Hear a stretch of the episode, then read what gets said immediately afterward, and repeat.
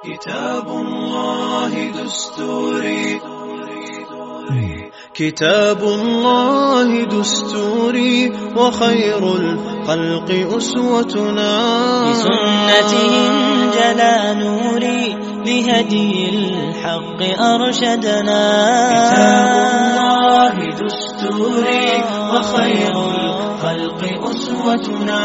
بسنتهم جلا بسم الله الرحمن الرحيم الحمد لله رب العالمين والعاقبة للمتقين ولا عدوان إلا على الظالمين والصلاة والسلام على أشرف الخلق أجمعين محمد بن عبد الله وعلى آله وصحبه أجمعين اللهم علمنا ما ينفعنا وانفعنا بما علمتنا وزدنا علما يا كريم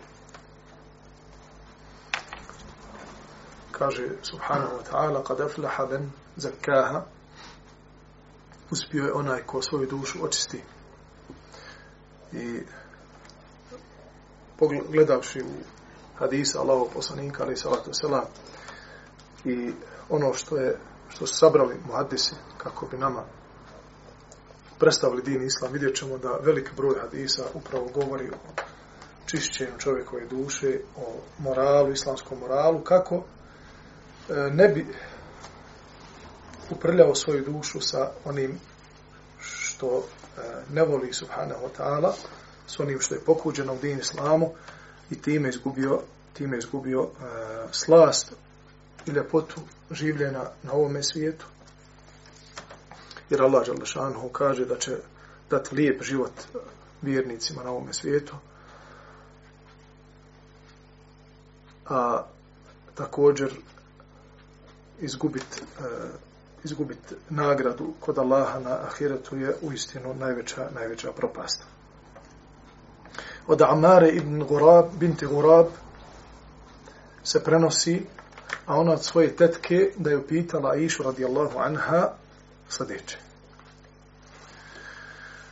Kada neka od nas odbije muža u postelji, zbog toga što je ljuta na njega, ili nije voljna, znači nije voljna da sa njim legne u postelju. Je li griješna?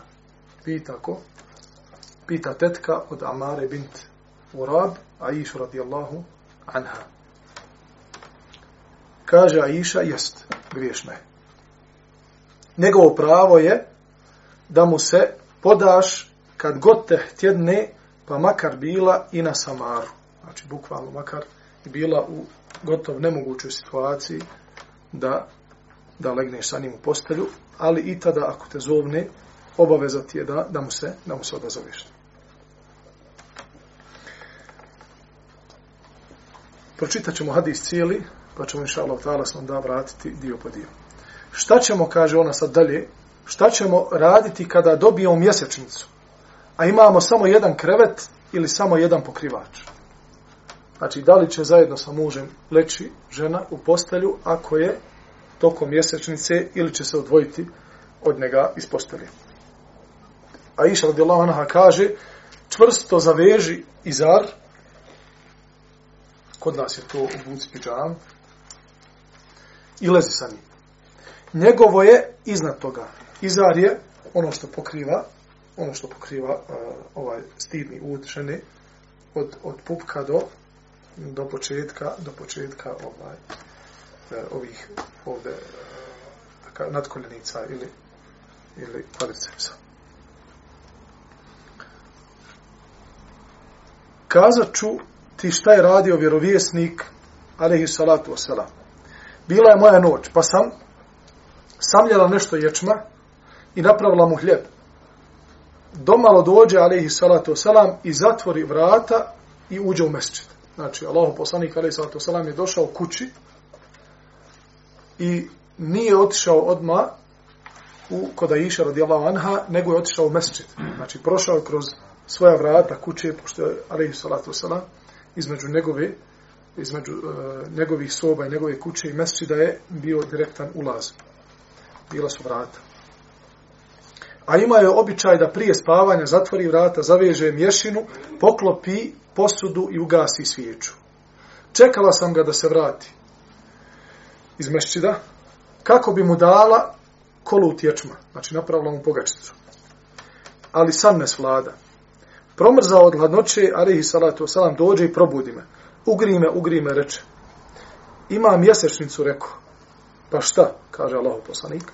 Otkri svoje stegno, pa položi glavu i lice na moje stegno, sve dok se nije zagrijalo. Sallallahu alaihi wasalam. Umeđu vremenu dođe komšin, od komšije ovca i uze onaj kolut ječma. Znači ušla im šta? U kuću ovca. A ja pohita za njom prema vratima i htjedoh joj ga otrgnuti. Ali se probudi vjerovijesnik, ali i salatu salam, i reče, uzmi što možeš od koluta ječma i nemoj uznemiravati komšije zbog njegove ovce. Ovaj e, dio hadisa također bileži i Ebu Davud u svome, u svome sunenu, a Imam Buhari ga je uvrstio u svoju prelipu knjigu Adem Mufred. Kada se vratimo na, na početak hadisa, vidjet ćemo da Aisha radijallahu anha biva upitana o stvari koje koja s vremena na vrijeme pogodi kći, Havinu kćirku. A to je da se naljuti na svoga muža. Ili da nije u volji da mu se odazove na ono što je on traži od nje. U ovom slučaju je bilo e, da legne sa njim u postelju. Islamski učenjaci kada govore o ovoj tematici uopćeno e, navode navode osnovno osnovno znači pokoravanje E, žena supruga svojim svojim muževima i kažu da je u osnovi sve ono što je dozvoljeno čovjeku kada naredi svojoj ženi njoj je stroga obaveza da ako je u mogućnosti da mu se u tome odazove i znači ta obaveza je šerijatskog oblika. Ta obaveza je šta? Šerijatskog oblika. Šta znači to? Znači to da žena ako odbije poslušnost mu, muzu, mužu u šerijatskoj obavezi, znači da je automatski griješna kod Allaha subhanahu wa ta'ala. Određene naredbe koje muž kada e, ženi naredi, došli su neki hadisi koji direktno govore o nekim pojedinostima i o čak e, specifičnim znači kaznama i grijehu, veličine grijeha koje, koje žene u tom slučaju zarade ako odbiju poslušnost mužu. A Allah subhanahu wa ta'ala u suri An-Nisa kaže Ar-rijalu qawamuna 'ala nisa bima faddal Allahu ba'dahum 'ala ba'di wa bima anfaqu min amwalihim. Allah je uzdigao muškarce nad ženama. To jeste, učinio je da je muž stup kuće. I da je muž odgovoran nad svojom suprugom i da ima nad njom riječ naredbi. Zbog dvije stvari. Prva stvar, bima faddala Allahu ba'dahum ala ba'd gospodar se ne pita ono što radi. A mi se pitamo. La yus'alu amma yaf'alu wa hum yus'alun kao što Kur'an kaže, Allah se ne pita ono što je on odredio kako će biti, a ljudi će biti pitani kako su postupali po onome što je Allah naredio. Pa je Allah dželle učinio da su ljudi, muška populacija, da ima jedan stepen iznad žene. I ta jedan stepen koji je Allah Đerlešanu dao muškarcima da budu iznad žena, to je prirodni stepen koji se ne ruši i ne suprostavlja se prirodu života na ovom svijetu. Suprostavit će se, to jest poremetit će se prirodni sistem jedne kuće, jednog sklada kućnog, onda kada se pomjeri stupanj ženine, ženin, ženin stupanj nagore ili kad stupanj muškarca spadne dole.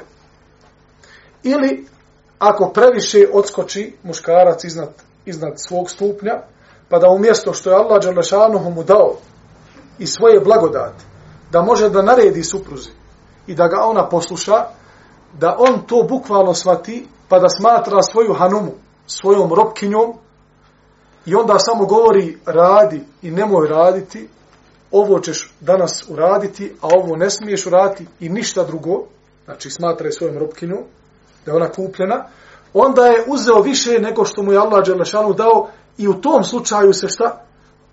Dođe do poremećenja životnog sklada, porodičnog sklada.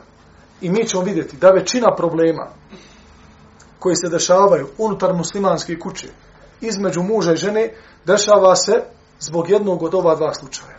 Ili se žena popela na stepen muškarca, pa želi da zajedno sa njim vlada kućom. Znači, izašla iz svog prirodnog, braćo, ovo dobro zapamte, prirodnog stepena koju Allah Đalešanu je dao. I taj prirodni stepen najviše njoj odgovara. I njen, njena fitra i njena priroda najviše najviše odgovara tom stepenu koju je Allah Đalešanu. Kada se popne iznad, dolazi do problema. Dolazi do konflikta temperamenata. Gdje imamo mušku osobu koja u osnovi je temperamentnija od žene, imamo žensku osobu koja u svojoj prirodnoj, u svom fitri, voli da ima nekoga ko će biti čvrsta ruka iza nje, ko će znati kako da vodi kuću.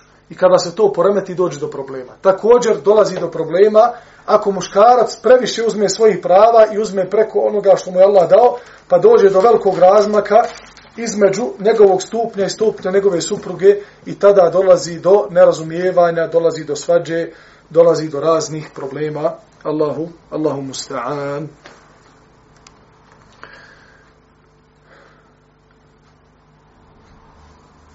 Na čovjeku je da koristi ovu Allahu blagodat na lijep način. Na čovjeku je da ovu Allahu blagodat koristi na lijep način, jer u osnovi Allah subhanahu wa ta'ala voli lijepo, voli blagost, kaže alihi salatu wasalam, nije se blagost pomiješala ni sa čim, a da ga nije uljepšala, a nije se grubost pomiješala ni sa čim, a da ga nije upropastila. Bilo koje dobro djelo, braćo moja. Bilo to naređivanje na dobro, što je jedno od najvećih korobata, najvećih dijela koje Allahu približavaju, a to je naređivanje dobro i odvraćanje zla. Kaže subhanahu wa ta'ala, kuntum hajra ummetin uhriđat lin nas ta'muruna bil maruf, tanhauna 'anil-munkar wa tu'minuna billah, vi ste najbolji ummet, ummet Muhammed a.s. koji se ikada pojavio, naređujete na dobro, odvraćate od zla i vjerujete u Allaha. Allah Đalešanu u ovom kuranskom ajetu je stavio prvo naređivanje dobro odvrćan zla, pa tek onda nakon toga imanu Allaha. Ne zbog toga što je naređivanje dobro odvrćan zla vrijednije od imana od, u Allaha. Imanu Allaha je nešto najvrijednije što čovjek može posjedati. Ali ovaj ummet je najbolji ne zbog imana u Allaha, jer prijašnji umeti su vjerovali u Allaha.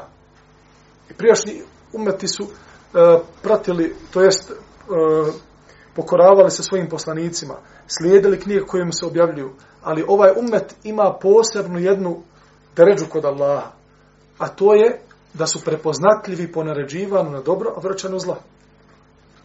I zbog toga je ovo dijelo jedno od najljepših dijela koje približavaju uzvišenom gospodaru, ali ipak i pored toga, kada se u ovo dobro djelo pomiješa grubost, upropasti sve što, što, smo, što smo radili. Jer vidjet ćete da čak i svoje dijete u kući ne možete mu ništa narediti, ni zabraniti ako to bude propraćeno grubosti. Možda jedno vrijeme dok on ne, ne mogne da ti odgovori ili dok malo ne, ne naraste, ali svi vi, roditelji koji već imate djecu koja su napunila 12, 13, 14, 15 godina, vidjet ćete da korištenje grubosti u odgoju djeteta i naređivanju zabrani plaho, plaho ne koristi. Nego koristi hikmet, koristi dokaz, koristi blagost i sabur. Baš upravo ono o čemu govori sura El Asr. Drugi razlog zbog čega Allah Đalešanuhu dao jednu teređu muškarcima iznad, iznad žena je وَبِمَا أَنْفَقُوا مِنْ أَمْوَالِهِمْ zbog toga što muškarci troše iz svojih imetaka. Čovjek plati kiriju ili napravi kuću, donese hranu, donese piće, obuče, nahrani, plati, plati, e, plati e, struju, vodu i ove ostale račune. I onda na kraju žena dođe i kaže, slušaj, mogu ti nama šta napraviti za ručak. Pa dobro, nije problem jedan dan, ali da žena sjede nogu preko noge i da kaže mužu, evo Allah, ovaj mjesec će ti malo, da promijenimo malo atmosferu, ti ćeš nam kuhat. Mislim da to ne bi uspio. što kaže šeha Bujsa Kuvejni, kada je govorio o meseli u kojoj ima razilaženje među islamskim učenjacima, da li je obaveza ženi da služi svoga muža, da mu pere da mu čisti. On kaže, eh, hafidhahullahu ta'ala, eh, da je mišljenja da je vjerska obaveza žene, pogotovo onim mjestima gdje je običaj da žena služi, da je vađib zbog orfa i običajnog prava u tom narodu, da je vađib ženi da služi svoga muža, da mu pere, da sređuje kuću i da ne traži od njega da mu, da mu nabavi sluškinu za, za takve poslove. Kaže, a poručujem one, onim šehovima koji smatraju da je to njoj mubah, da je samo dozvoljeno ili da ima zato sevap, a da ne mora, kaže, zamislite, e, nek oni, kaže, onaj, zamisli da pozovu gosta na večeru i prirede gozbu i sve, zovnu sve i kaže Hanuma, eto, dogovori sa njom da napravi večeru. Kaže, dođu gosti. Kaže, Hanuma, gdje je večera? Kaže, Boga, me nije vađu da ti napravim večeru. Mislim da bi tu došlo do, do velikih problema i možda bi u tom slučaju čak i promijenili, promijenili mišljenje. Tako da, e, čovjek koji Allah subhanahu wa ta'ala dao tu da ređu, također zbog toga što e, što daju iz svojih metaka. Dobro, ako žena izdvaja iz svog metka, znači čovjek sedi kući, žena radi. I umjesto da on plaća kiriju, da on donosi i metak, da on hran nabavlja, ona to radi. Da li i dalje on u potpunosti naređuje u kući i donosi odluke? Ne tada u tom slučaju, a vezano za odluke, vezano za odluke, unutrašnje odluke e, porodične, koje se tiču uređivanja porodičnog života, tada i žena ima udjela u, u odluci. Zbog toga što ona u ovome slučaju uzima dio ovog kuranskog ajeta ovima enfaku i zbog toga što oni izdvajaju svojih, svojih metaka. Međutim, ipak, ostaje ovaj prvi dio kuranskog ajeta, zato što je Allah jedne uzvisio na drugima, da žena, iako daje svoj, svog imetka, mužu, da mu pomaže u kući, mora mu se odazvati u onim stvarima koje joj naredi, a koje se tiču njegovog, njegovog prava u, u islamu, kao što je postelja, kao što je e, elementarno znači da, da mu napravi da jede, da mu opere njegovu odjeću i da da mu bude da mu bude pokorna u svim onim stvarima koje su dozvoljene, a ona to može da da uradi. u hadisu kojeg Šehol Albani smatra e, dobri, a imam i Tirmizi ga navodi u svome sunenu, da je sahih, kaže Allahu poslanik alejhi salatu wasalam hadisu koji prenosi Ebu Hurajra radijallahu anhu lau kuntu amiran ahadan an yasjuda li ahadin le amartu l'mar'ata an tasjuda li zauđiha ovaj hadis govori o velikom ogromnom mjestu muža kod svoji, kod svoje supruge a to je da sam ikome naredio da mimo Allaha nekome učini sećdu naredio bi ženi da učini učini svome svome mužu. I ovaj hadis uh, uistinu govori o tome da vrata budućnosti, a kad kažem vrata budućnosti, mislim na budućnost ahireta i to je prava istinska budućnost, nije budućnost ni za se, ni završiti školu, ni napraviti kuću, nego je budućnost kada legneš u kabur, ko će ti doći? I da, ili da li će tvoj kabur biti jedna od džennetskih e, bašta bašća ili će, ne do Allah, kabur biti jedno od džahennemskih provalija. I u istinu, svaki muž musliman, svaki muž musliman je vrata da li dženneta ili vatre za svoju, za svoju suprugu, bilo to njoj drago ili, ili ne.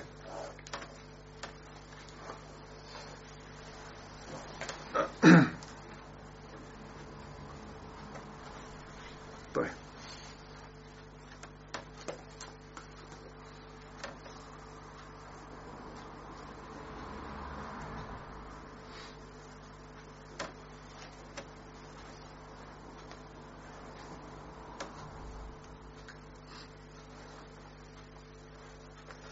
Dobro, da se vratimo, vratimo na hadis. Što se tiče e, mjesečnice, to je hajza, poznato je da je zabranjeno čovjeku da prilazi svojoj ženi u postelji i da ima sa njom snošaj tokom njene mjesečnice. Međutim, dozvoljeno mu je da, da se naslađuje e, sa, sa njenim tijelom, osim sa dijelom koji se približava stidnom udu i u tom slučaju žena je najbolje da obuče nešto kako ne bi došlo do, do, do grijeha. I Aisha radijallahu anha opisuje e, svoj slučaj sa Allahovim poslanikom, alaihi salatu wasalam, da jedne večeri otišao, alaihi salatu wasalam, u mesčid i najvjerovatnije klanjao na filu i badetio, iako je bila hladna noć, i vrativši se Aisha radijallahu anha u postelju, e, rekla mu je da ima mjesečnicu, pošto je zatražio od nje da je ugrije, to je da se prisloni tijelima jedno uz drugo, i onda je Allah poslanik rekao, pa šta, to jest, nema to nikakve veze, otkri mi svoje stegno, i onda je stavio svoje lice na njeno stegno, to jest na, na, na njenu e, na njene noge, kako bi se tako ugrijao, I onda je Iša radijalana primijetila ovcu koja je uzela onu, onu pogačicu.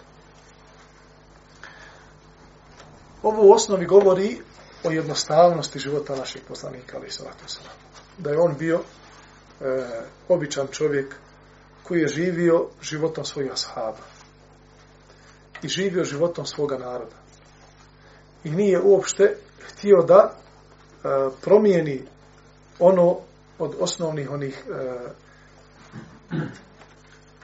običajnih prava i običajnih dijela koje je zatekao među svojim narodu, u svome narodu, sve ono što se ne bi kosilo sa, sa, dine, sa dine islamom, nije mijenjao Allahu poslanik, ali salatu salam, niti je naređivao ljudima, naređivao ljudima da promijeni nešto od svojih, od svojih običaja.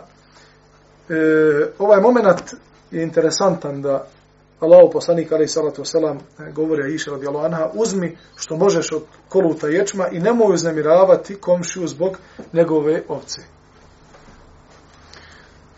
Pređe tuđa krava na našu njivu, pojede nešto ili pogazi od onoga što smo posijali. Ili nešto drugo se desi, dođe malo dijete od komšije, ne znam, prospije nešto ispred tvojih vrata u haustoru, ili desi se nešto i onda mi svojom reakcijom možemo da upravljamo, to jest da kontrolišemo situaciju. Ili možemo da je dovedemo do, do loše situacije, da se posvađamo sa svojim komšom, ili da dođe do nekih ekstremnih faza, ili možemo da smirimo tu situaciju. Zbog čega da smirimo tu situaciju? Allah poslanik, kada je vidio šta se desilo, kaže, uzmi ono što možeš. A ono što je ovca već zagrizla i ono što je progutala, ti sad i da odeš komši i da mu kažeš tvoja je ovca progutala, otkud komšija zna gdje je njegova ovca bila i niti on njoj naredio, niti otvorio usta pa je stavio pa ti kažeš ti si odgovoran za moju ovcu. Znači Allah poslanik ali salatu selam kaže ostavi. Dobro, pojela je, pojela je, desilo se, desilo. Dijete, dijete nešto prosulo uh, u haustoru. Ili ušlo u moju njivu pa je nešto pogazilo što sam posijao ili komšina krava. Znači, to je već prošlost. Sada je sada je do nas kako ćemo mi odreagovati. Da li ćemo mi otići kod komšije i kažemo tvoja je krava ušla u moju njivu, boj se Allaha, moraš mi to nadoknat kada je komšija. Ja znam, tu je svađa. A govorimo u zadnjih nekoliko predavanja o bitnosti komšije njegove i veze sa komšijom i koliko islam aludira na, na, lijepu, na lijepu komšijsku vezu.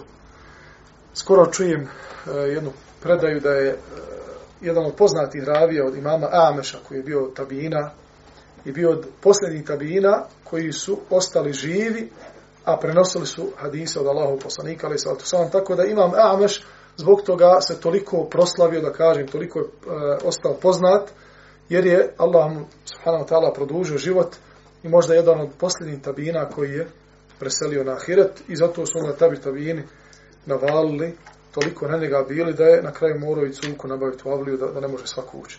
Uglavnom, Ebu Hamza Sukari je jedan od ravija koji prenosi hadise od Ameša u Senetu. Ovaj Ebu Hamza je bio komšija jednom čovjek koji je bio u velikoj potrebi i morao je da proda, da proda svoju kuću. Kada mu je došao kupac, kaže mu koliko je kuća, kaže 200.000. A sad kuća možda ne vrijedi ni, ni, ni 100. Ajde da kažemo da vrijedi 100, ali ovaj duplu cijenu. Kaj ti je 200.000, ajde da se rekao, kaže 100. Kaže, Boga mi kuća je 100. A ovaj komšija, Ebu, ovaj Ebu Hamza je sukeri, on je 100, kaže. Jer kaže, njega dobi za komšiju, to ti je, kaže, ko da ti je kašika umet pala. Kad je Ebu Hamza, Sukeri čuo da njegov komšija ovaj prodaje kuću i kako je prodavao za 200.000 zbog komšije, dođe mu kaže koliko imaš duga, a kaže imam oko 100.000, kaže nemoj prodavati kuću da ostanemo komšije, evo ti kaže 100.000, ostane, ostane da, da se i dalje, da se i dalje družimo. A dobio je nadimak Sukeri zbog ljepote njegovog hlaka, Suker znači šećer.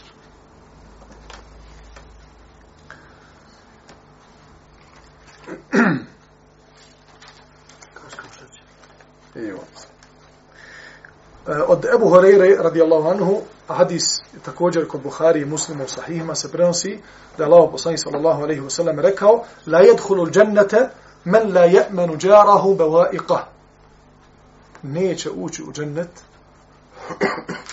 onaj od čijeg zla nije siguran njegov komšija. Braćo moja, ovaj hadis nam govori još nešto. A to je ako neće ući u džennet, onaj ko uznamiravao komšiju, bi mefhumil muhalefe, kada okrenemo hadis, ući će u džennet onaj ko ne uznemirava komšu.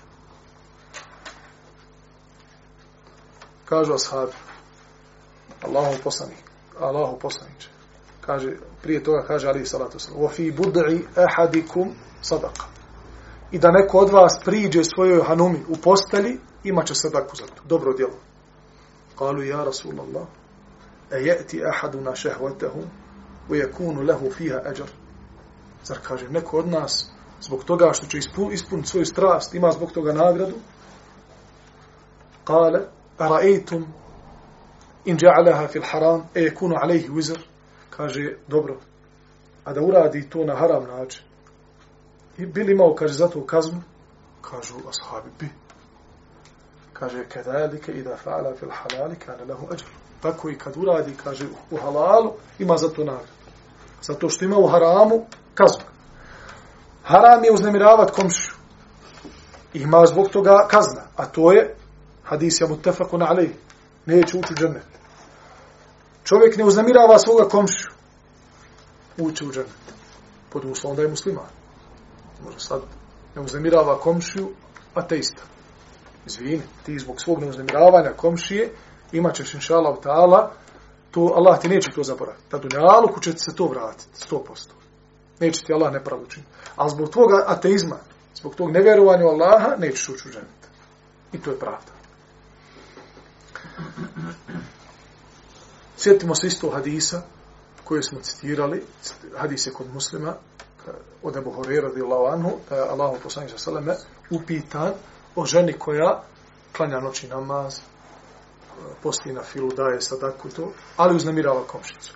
I u istom hadisu upitan ženi koja pet, pet vakata namaza klanja, posti samo mjesec Ramazana, ali ne uznamirava komšicu. Za ovu je rekao, neće ući u džennet, ulazi u vatru, za ovu hije fil džennet, ona je u džennet. Također je ovaj hadis, koji je mutefakun alaihi, Allahu poslanik alaihi salatu wasalam, govori nam onome ko uznemirava komšiju, a mi razumijemo o tome da onaj ko ne uznemirava svoja komšu, i to je ibadet, braćo moje, islamski učenjaci, kada govore o uznemiravanju drugih ljudi, navode cijele nazive, naslove, el ibadetu kefu šerri anin nas. Ibadet je ne uznemiravati ljude.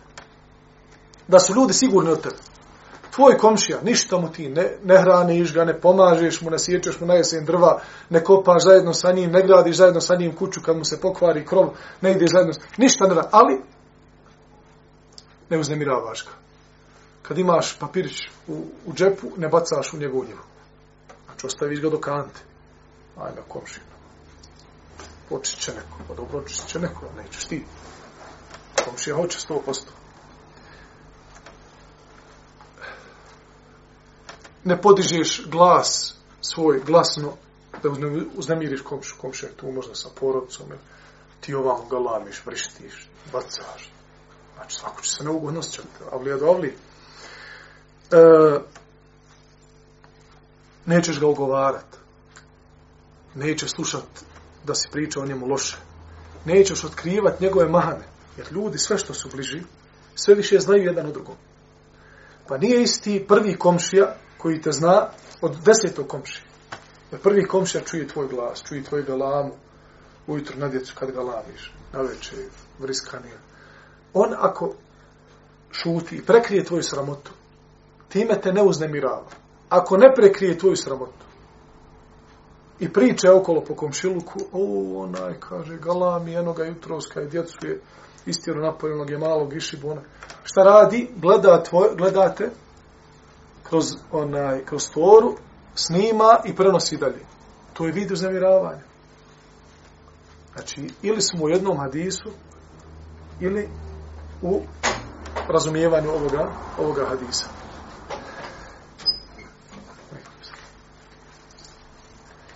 Allah Đalešanu kaže وَقُلْ لِعِبَادِ يَقُولُ الَّتِي هِيَ أَحْسَنْ إِنَّ الشَّيْطَانَ يَنْزَغُ بَيْنَهُمْ Reci mojim robovima, kaže u suri Isra, reci mojim robovima, neka govore samo ono što je najlepše, u istinu šeitan pokušava da među njima razdor napravi. Jer od jedne riječi dođe šeitan i napravi cijelu scenu. Jedna riječ se desi. Jedna rečenica, nešto ti izletilo. O, to je cijela kisa. Knjigu možeš napisati. Šta je ovaj ovamo razumio? Od Ebu Musa je Vešarija rekao je, Kulna ja Rasulullah. Rekli smo Allahu poslaniče. Ovaj hadis mu tefekun alihi. Bileži ga Buharija i Muslim. Rekli smo Allahu poslaniče. Ejul islami afdal. Koji je najbolji islam? Jer imate najbolji islam, je tako, kod ljudi, a imate malo manje dobar islam. Sve je do nas koliko praktikujemo koliko praktikujemo ono što nam je došlo od upute. Kale, kaže, koji je islam najbolji? Kaže Allah poslanik, men seleme al muslimune min lisanihi wa jede. Ko sačuva drugu braću muslimane od njegovog jezika i njegovih ruku. To je najbolji musliman. Jasno ko da. Znači, ibade čega? Ibadet da se sačuva. Od Ebu Dhrva se isto prenosi da je pitao Allahu poslanika, ali salatu sana za savjet, šta da radi? Kaže, ostavi ljude na miru. Vjerujte u islamu, toliko ibadeta ima da ne mora, koji ne morate ništa raditi, a dolaze dobra djela. Samo je bitno da neke stvari ne radiš. U islamu nije samo radi. Ima neke stvari, dobijaš nagradu samo ako ih ne radiš, sjediš kod kuće. Tako bolje nekad sjeti kod kuće nego šta? Ići pomahali i ljude uzemravati. Bolje neka sjest kod kući, pa ništa ne radi, gledat čošak, razmišljat, nego uznemiravati druge ljude na ulici.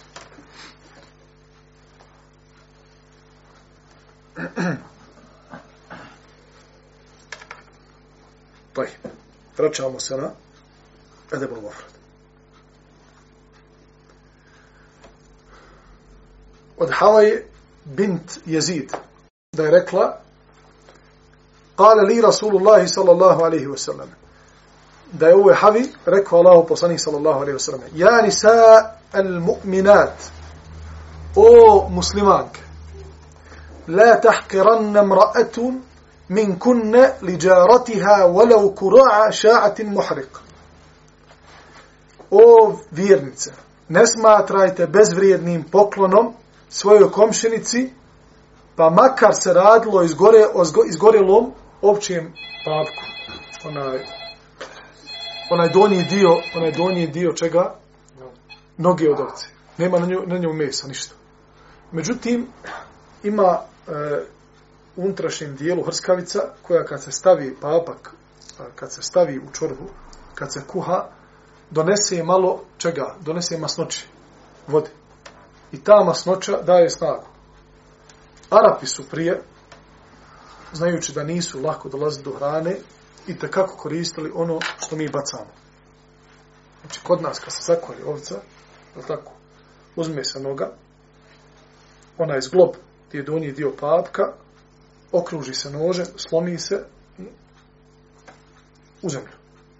Iskoristi se. Koga jede u, kod nas? Nikoga ne jede. Arapi to koriste u čorbe. Kaže Allah poslanik, nemojte za ne, ako imate makar to, i to dajte svojim komšijama, kako bi zbližili se međusobno. Jer u istinu, e, sjećanje, brat, e, da se sjetiš brata muslimana u poklonu, negdje si bio, otputovao si, nešto od pola marke, od marku, dođeš, kažeš, brate musliman, ja sam te se sjetio, evo ti od mene je U istinu, ako srca bila ovde, sad su ovde. Ako su bila ovde, skroz su onda se spojila.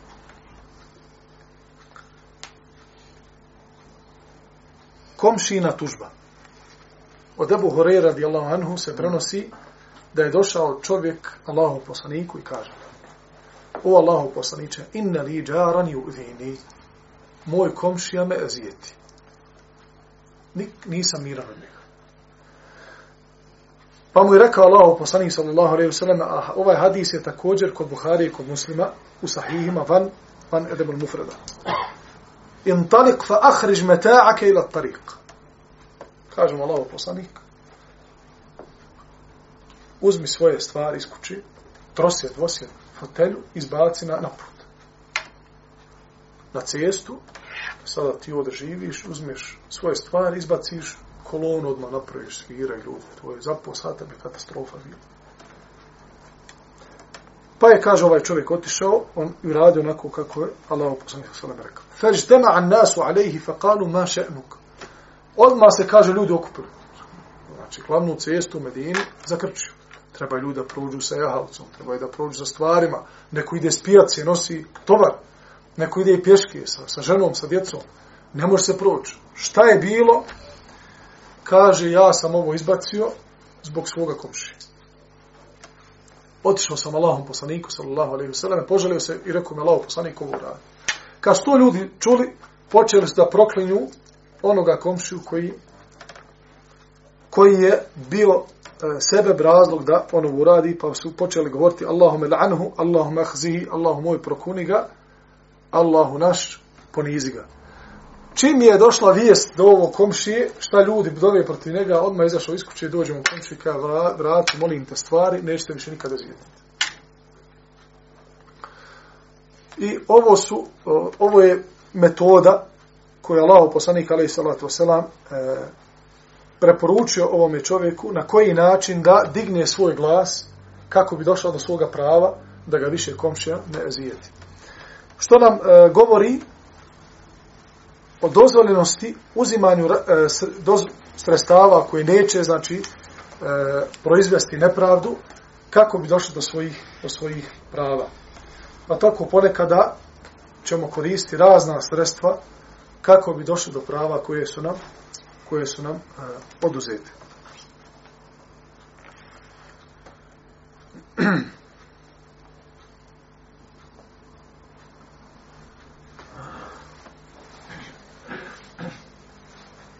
onaj ko nema problema sa komšijom, neka zahvali Allahu subhanahu wa ta'ala. Onaj ko nema komšiju, pogotovo e, komšija koji živi pored tebe u kući ili u stanu koji je tvoj. Znači, ne, nisi pod kirijom.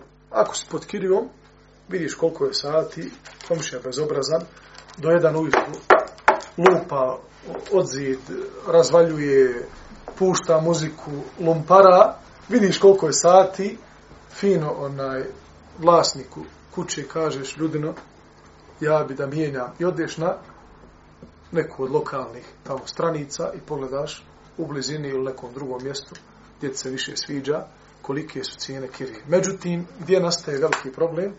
Kada je taj komšija bezobrazni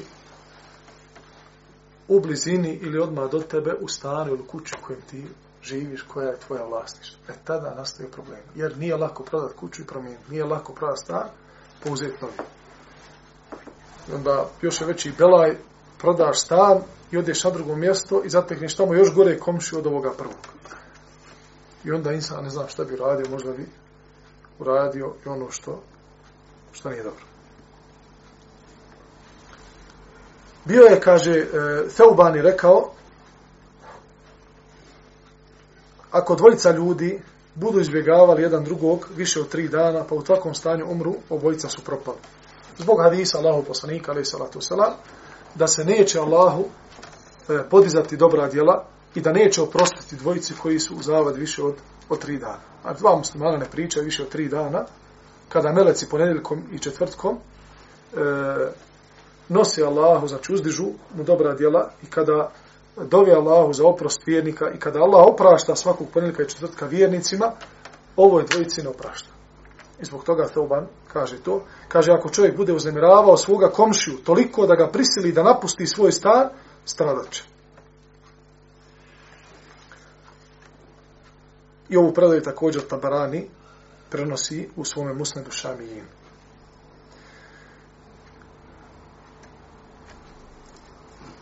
Mujahid priča, Mujahid je poznati, račun Mufesir Muhaddis, bio je kod Abdullah ibn Amra, kada je svom slugi koji je, znači, guli ovcu, rekao, kada završiš, prvo dadni našem komši židov.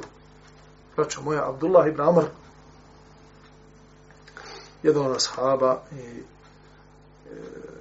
jedan, evo jedna od e, istorijskih činjenica koja je zapisana senedom i naši muhadisi je, muhadisi su je uvrstili e, u svoje zbirke. Imam Davud, također u svome sunenu, Ebu Davud i imam i Tirmidi, naveli su isto ovu predaju od Mujahida, onaj, da je sjedio kod Abdullah ibn Amra i imam Buhari, također u Edebu Mufredu, da kada bi zaklao ovcu, prvo što bi uradio, prvi dio koji bi osjekao od ovce, dao bi svome komši židov. Što bez ikakve dvojbe govori i ovo jedno od milion predaja, dokaza u istoriji Islama, da su muslimani najbolje komši. Da su muslimani najtolerantniji prema drugim vjerama da su muslimani očuvali zasigurno i kako svoju tradiciju i svoju civilizaciju, tako i druge tradicije i civilizacije. Jer Kur'an je spomenuo Rimljane, braću moja. Kur'an je ostavio e, sjećanje na kršćanstvo i na židovstvo do sudnjega dana.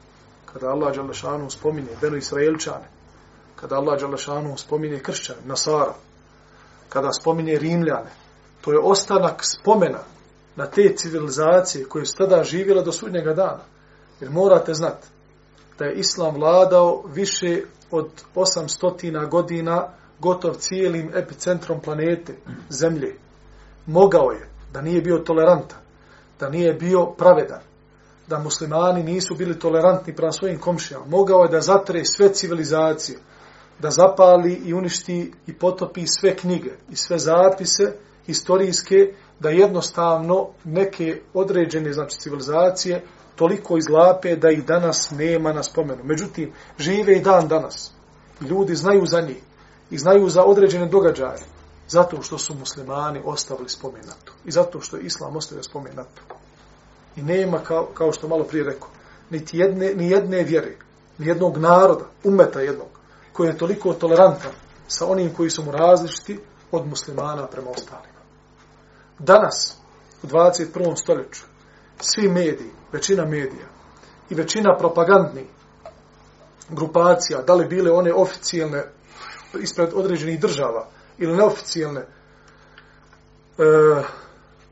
kao mrzitelji islama, propagiraju i žele da dostave čovječanstvu jednu sliku o islamu, da islam ne može, da nije, znači, salih, da nije za ovo podneblje, da nije za ovaj svijet, da nije za civilizaciju, da nije za napredak, da islam se ne može uklopiti sa 21. stoljećem. Mi imamo prije 1400. godina, kada zapad nije znao, kada zapada nije bilo, ko je, ko je sačuvao čak i filozofiju? Ko je prenio grčku filozofiju današnjem zapadu? Koji se kite filozofija, pa ovo, pa Sokrat, pa ovaj, pa onaj. Koji im je to prenio? Harun al-Rashid. Zar nije on preveo sa starogrčkog jezika na arapski, pa s arapskog kasnije je došlo na, na evropski jezik?